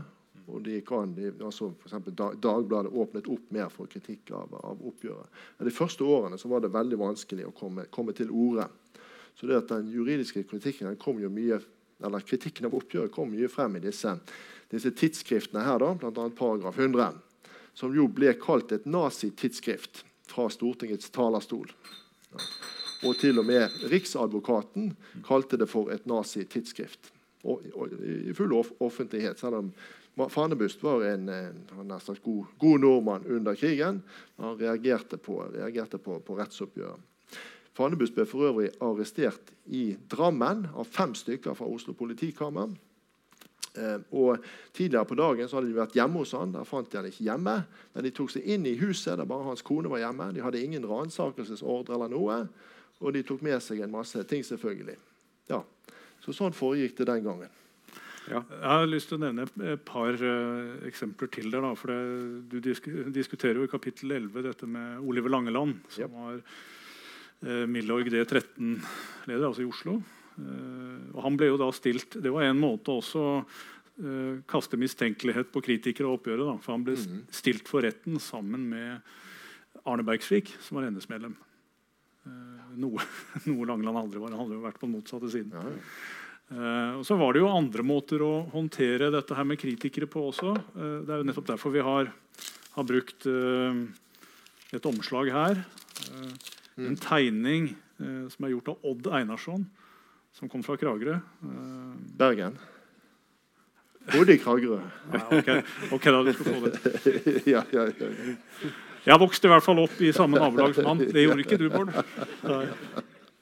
Kona hans pleier å si at vi er litt som ektepar nummer to. Et par viktige unntak. Da. Ja, gud bedre. Men det er i hvert fall en tegning som, eh, som Odd Einarsson eh, laget. Altså han bidro til paragraf 100, men også til Trollspeilet. Og det som skjedde etter hvert, var jo det at uh, Narvesens kioskkompani, der det satt flere representanter fra hjemmefronten, de nektet etter hvert å distribuere disse tidsskriftene videre. Så det var jo også en måte å få få stoppet en del av kritikken på. Da. Det var jo mye protester også mot at Narvesen solgte dette. Og eh, Einarsson fikk jo eh, rutene sine knust flere ganger i, i Oslo. Mm. Ja, så han bestemte seg for å trekke seg tilbake fra virksomheten som politisk karikaturtegner. Mm. Ja, Nå har dere pekt på klare autoritære tendenser, vil jeg si. Uh, mitt siste spørsmål før uh, salen får uh, stille spørsmål, er hva slags kritikk forventer dere å få? Ja, jeg har Du skal få slippe til. Det har på tungen. Ja. Um, jeg tenker jo for det første at no, Noen vil kanskje si at um, dette her er liksom nasjonal selvpisking. Mm. sant? Fordi at Hvis vi ser på Frankrike, så var det så mange som ble skutt rett ned. Så derfor er jo ikke dette noe å snakke om. Men er nå det noe argument, egentlig? Sier vi at vi, skal, ikke, vi trenger ikke se på hekseprosessen i Finnmark fordi det var mye verre i Tyskland? Ja, det ville vi ikke komme, komme på å si.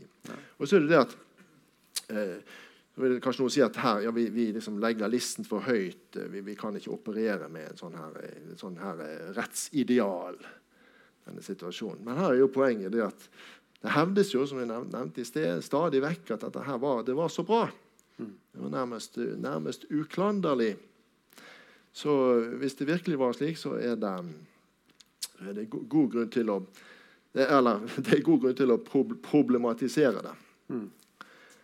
Uh, ja, og så er jo dette her uh, så vil noen si ja, her er det liksom gamle sånn NS-argumenter som kommer igjen. Skal de nå aldri slutte med dette? Sånn. Tull, tull, som det er. Sagt, ja.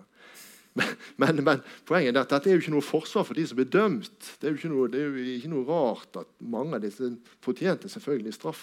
Eh, men det er jo en, en indirekte da, en kritikk av måten dette blir gjort på. Fors, ikke noe forsvar for de dømte, men et forsvar for rettsstaten. rett og slett. Prinsipielt forsvar for rettsstaten, også i slike ekstreme situasjoner. Mm. Ja. ja. det var mesteparten av mine argumenter. Så. Ja, ok. Jeg hadde jo et papir her, men det, jo, så, det står her. Ja, ja, og så vil noen si det. Et siste poeng her ja. Er det at eh, noen vil si ja, altså Sånn ser vi på dette i dag, men man kan jo ikke bedømme datiden ut fra, ut fra nåtidens standarder. Mm. Dette er jo bare tull også, med respekt å melde. Fordi Nei, egentlig ikke. Trekk det tilbake. Ja, ja, jeg trekker det tilbake. Det, fordi at eh, altså, Norge var jo en fullt utviklet rettsstat i 1940. Disse prinsippene var godt etablerte. Det var en selvfølge at de skulle følges. Det var en selvfølge at en dommer skulle ikke sitte og gjøre narr av eh, altså en lagmann skulle ikke sitte og gjøre narr av tiltalte. Det var en selvfølge at de som hadde vært med og skrevet utkast til en lov ikke, ja, de som, de som, tydelig kunne være inhabile, da, likevel, likevel, ikke ble erklært inhabile. Det var en, en selvfølge at man ikke kunne, man kunne ikke ta lett på dette med tilbakevirkning i straffesaker. Det kunne man ikke gjøre. Derfor de, Mange av disse dommene under rettsoppgjøret er utenkelige før 1940. Og De er også utenkelige i dag, for det er bare forståelige ut fra situasjonen som var. Og Derfor er de også ofte, ofte avsagt under, under, eh, under, eh, dissens. Så Norge var en rettsstat, og disse prinsippene de var vel etablerte. Men de ble tøyd under oppgjøret i mange, mange tilfeller. Og Det var mange jurister som påpekte dette i samtiden. Og Det gjelder både da og sentrale jurister knyttet til London-regjeringen var kritiske. Til og med jurister innenfor hjemmefronten var kritiske. For ikke å snakke om en mengde med høyesterettsadvokater og andre, da, eh, andre sakførere og jurister, også dommere, etter frigjøringen. Og Det gjelder til og med høyesterettsdommere. Hansen, f.eks. Uh, og, dette, var, dette, var, en stor debatt den gangen. Det var stor skepsis blant jurister. Mye tyder på at kanskje de fleste sakførere var uenige i dette sentrale prinsippet om at alle NS-medlemmer skulle straffes. Eller var henfallende til, til straff. Sånn at noen, ingen av disse argumentene ser jeg egentlig som så, som så tungtveiende. Da. Nei, nei. nei, nei, nei. Men det er klart eh, Ja, vi får se. Foreløpig har jeg ikke fått noe kritikk. Og det er, litt, det er litt symptomatisk. Juristene vil på en måte ikke ta det opp.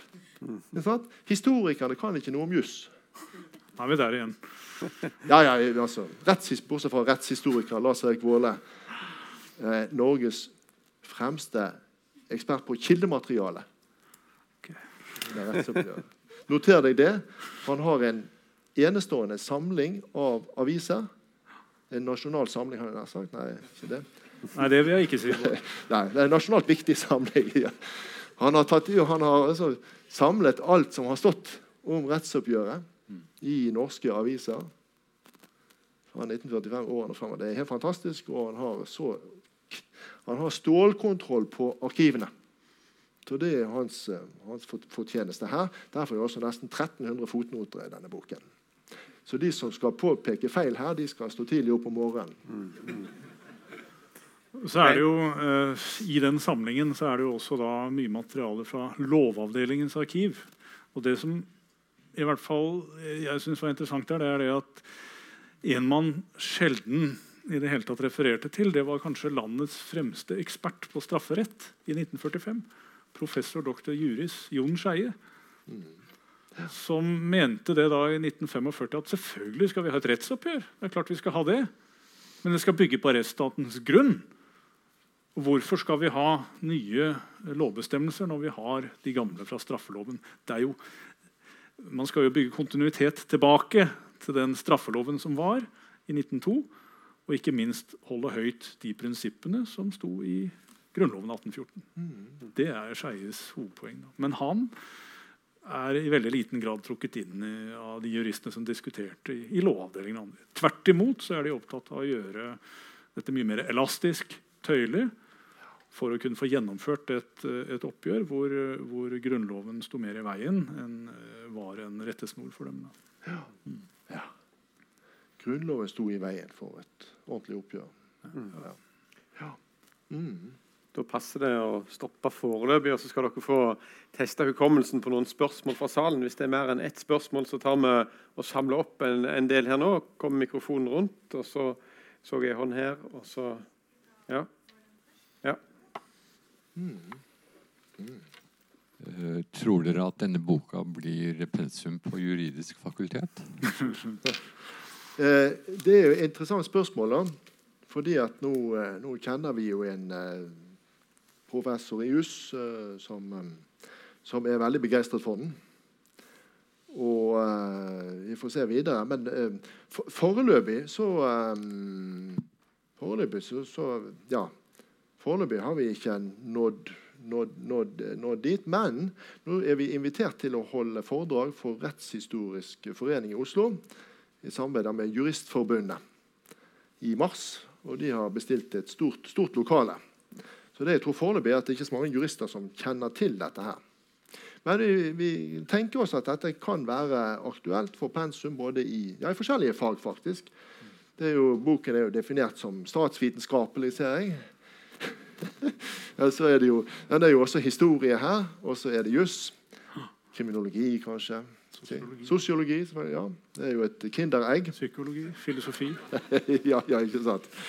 Eh, så i hvert fall, vi, vi, ja, vi, vi kjenner jo noen jurister som er veldig interesserte her. Og vi fikk jo en god attest fra vår, vår juridiske fag, fagkonsulenter som, eh, som sier vi har god, god peil på jussen her.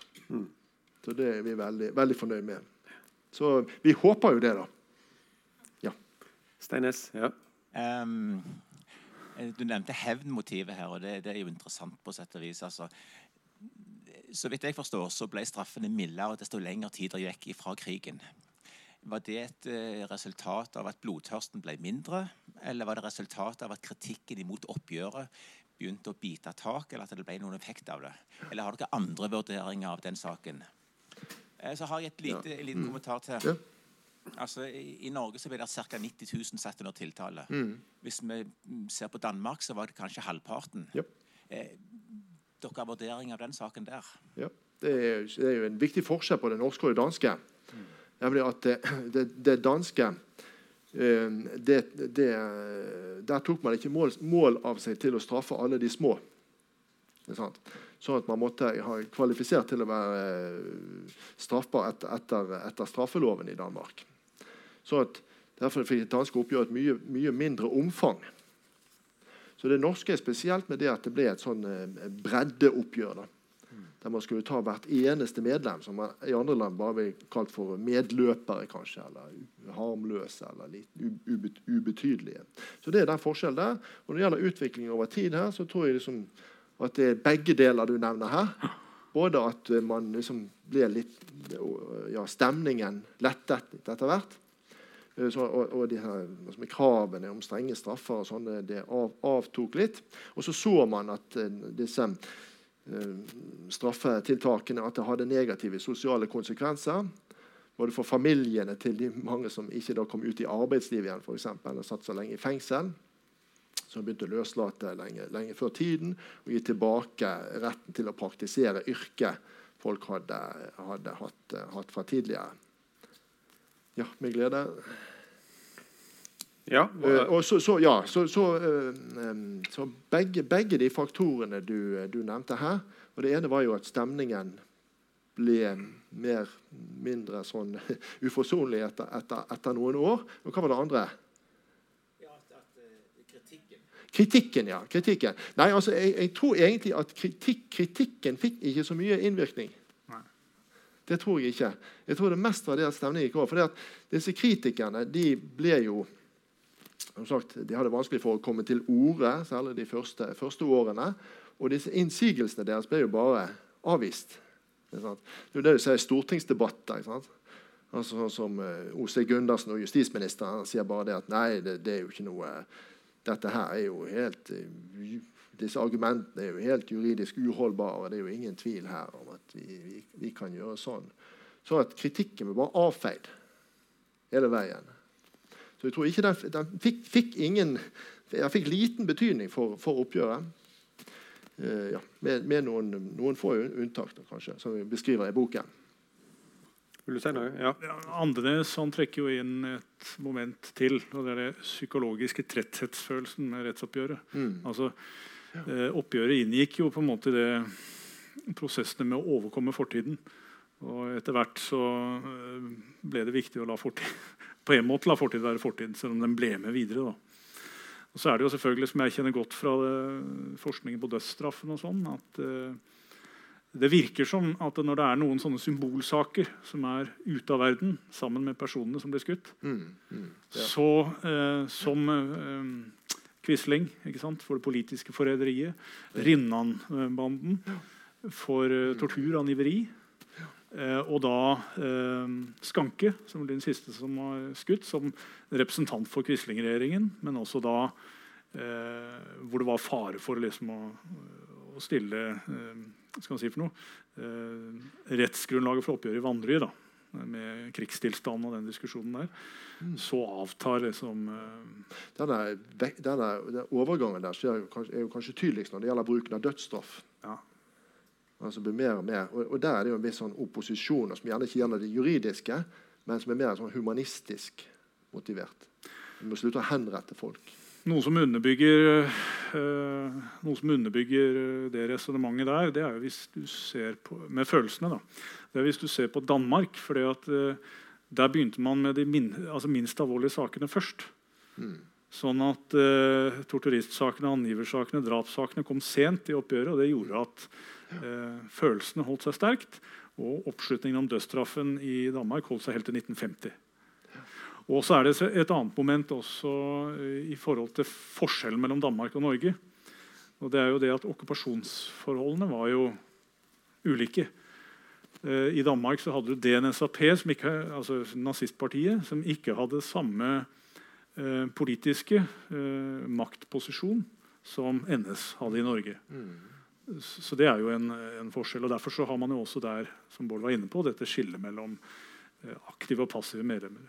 Jeg kan jo bare føye til at uh, Allerede i London så ble det jo påpekt dette her at uh, man skjønner jo at det å straffe passive NS-medlemmer ikke er praktisk politikk. Det var Paul Hartmann som sa, som var hjemmefrontens representant i London-regjeringen. Ja. Det, det, det, sier jo sist. Og, og jurister. Han var jurist. Ja. Ellers er det jo et viktig poeng her når det gjelder avviklingen av oppgjøret. og sånn som det gikk over tid. At uh, vår, Vårt synspunkt er at oppgjøret ble gjennomført i store trekk sånn som det var planlagt. Mm. Eh, I, I motsetning til det Hans Fredrik Dahl har argumentert for, at du hadde ett rettsoppgjør som var, slik det var planlagt, det var rettsoppgjør 1, og så det slik det ble gjennomført, som rettsoppgjør 2. Men vi mener at 1 og 2 er nokså like. Det- Og det var også et moment for Arbeider, Arbeiderpartiet i, i valg, valgkampene etter krigen. At man hadde gjennomført oppgjøret sånn som det var planlagt. Og eh, denne si, lempningen da, som skjedde på noen områder, det var jo pga. Praktiske, praktiske vanskeligheter som, eh, som oppsto, og urimeligheter. Og men hvis du ser på det her eh, økonomiske oppgjøret og inndragningen av midler fra NS-medlemmene, så fortsatte jo Erstatningsdirektoratet sin virksomhet i år etter år for å drive inn de siste midlene. Selv om folk ikke, ikke hadde noe. Det ble vel nedlagt i 52? eller? Ja, men enda fortsatt, det fortsatte jo enda, enda lenger enn det. Ja, for å drive inn penger. Ikke sant? Eh, sånn at eh, i store trekk avviklet sånn som det var planlagt i London.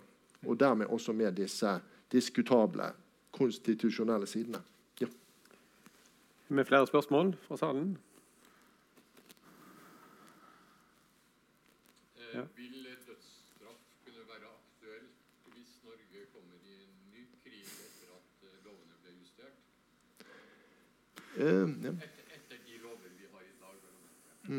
Så nå er det jo eh, er, Norge har påtatt seg en del folkerettslige forpliktelser om å aldri innføre dødsstraff igjen. ja Men spør du meg om eh, det oppstår en situasjon hvor den kreves, så kommer dødsstraffen tilbake. Det tror jeg. Ja. Også vi når det, vil, når det Ja, Uavhengig av folkeretten. ja. Da ser man bort fra den. Under oppgjøret så så man til den. ja. Hvis de har lest boken vår, så vil de jo ikke Jeg er ikke så sikker. Nei, det var, nei, det var det. det, var det. det var jo, dødsstraff var jo avskaffet per 1940. Avskaffet i straffeloven av eh, 1905 i, i fredstid. da. Det fantes i den militære straffeloven. Men skulle da, ø, skulle den automatisk omgjøre, omgjøres til, eh, til fengsel etter krigens opphør. Så dette var jo en, en, eh, en juridisk nøtt. da. Det er sant. Man skulle henrette Quisling, f.eks. Noe forsvareren hans tok opp. Ja. Da kan vi jo slutte sirkelen med det jeg begynte med. da. Ja. Eh, som hadde med eh, og skanke og sånn. Eh, vet dere hvor lenge den formelle krigstilstanden varte mellom Tyskland og Norge?